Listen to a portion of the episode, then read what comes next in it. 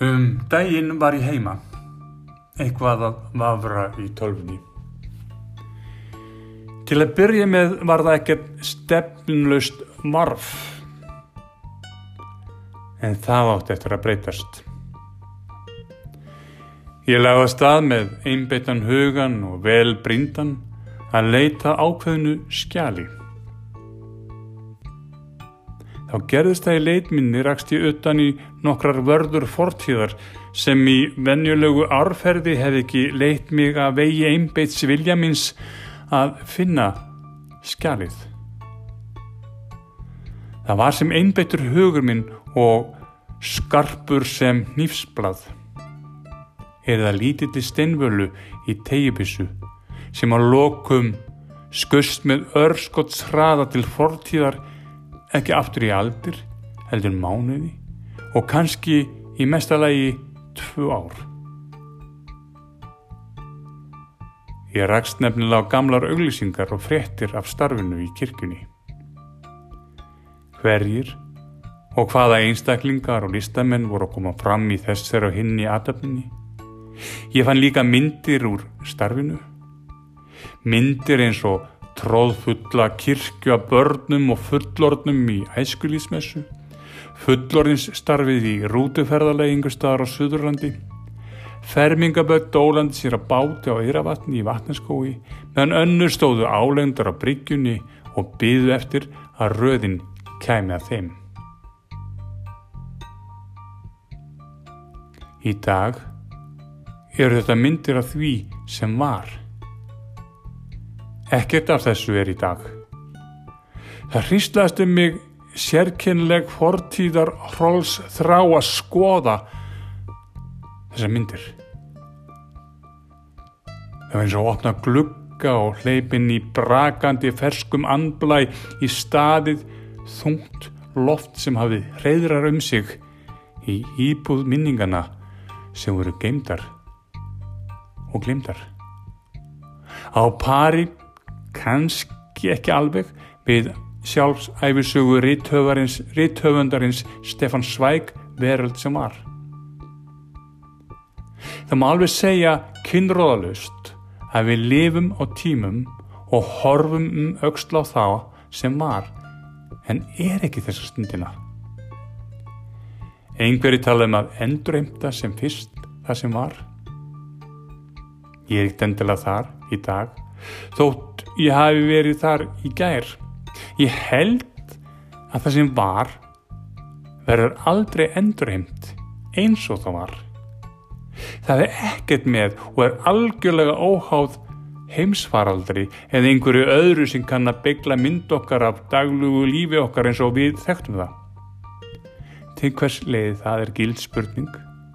Það sem var í gær þarf ekki að vera það sem við viljum í dag eða morgun og kannski kannski er það aldrei þannig.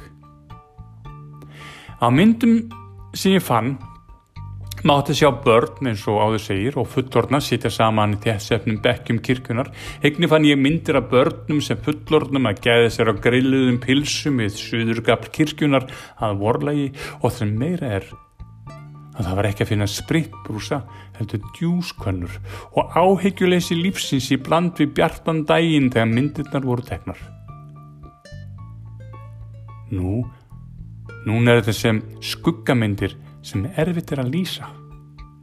Ég get alveg ímynda mér, ég hafi innanbrjóst lið eins og listfræðingi sem hefði fundið tíntum málverk reynsessmeistara fortíðar og einhverjum glemd og grafin í jarlög fortíðar en varveist þar alveg ágætlega. Ég er kannski að draga upp ofdöka mynd af því sem var og sérstaklega af því sem er í dag. Pensilförin breið og ákveðnar faldar strókur eða í dag á heimsfaralstímum kannski meiri ætt við bandarinska listmálaran, listmálaran Jackson Pollock sem tilherði abstrakt espressionisma reymingunni á eh, sjötta áratug síðustu aldar.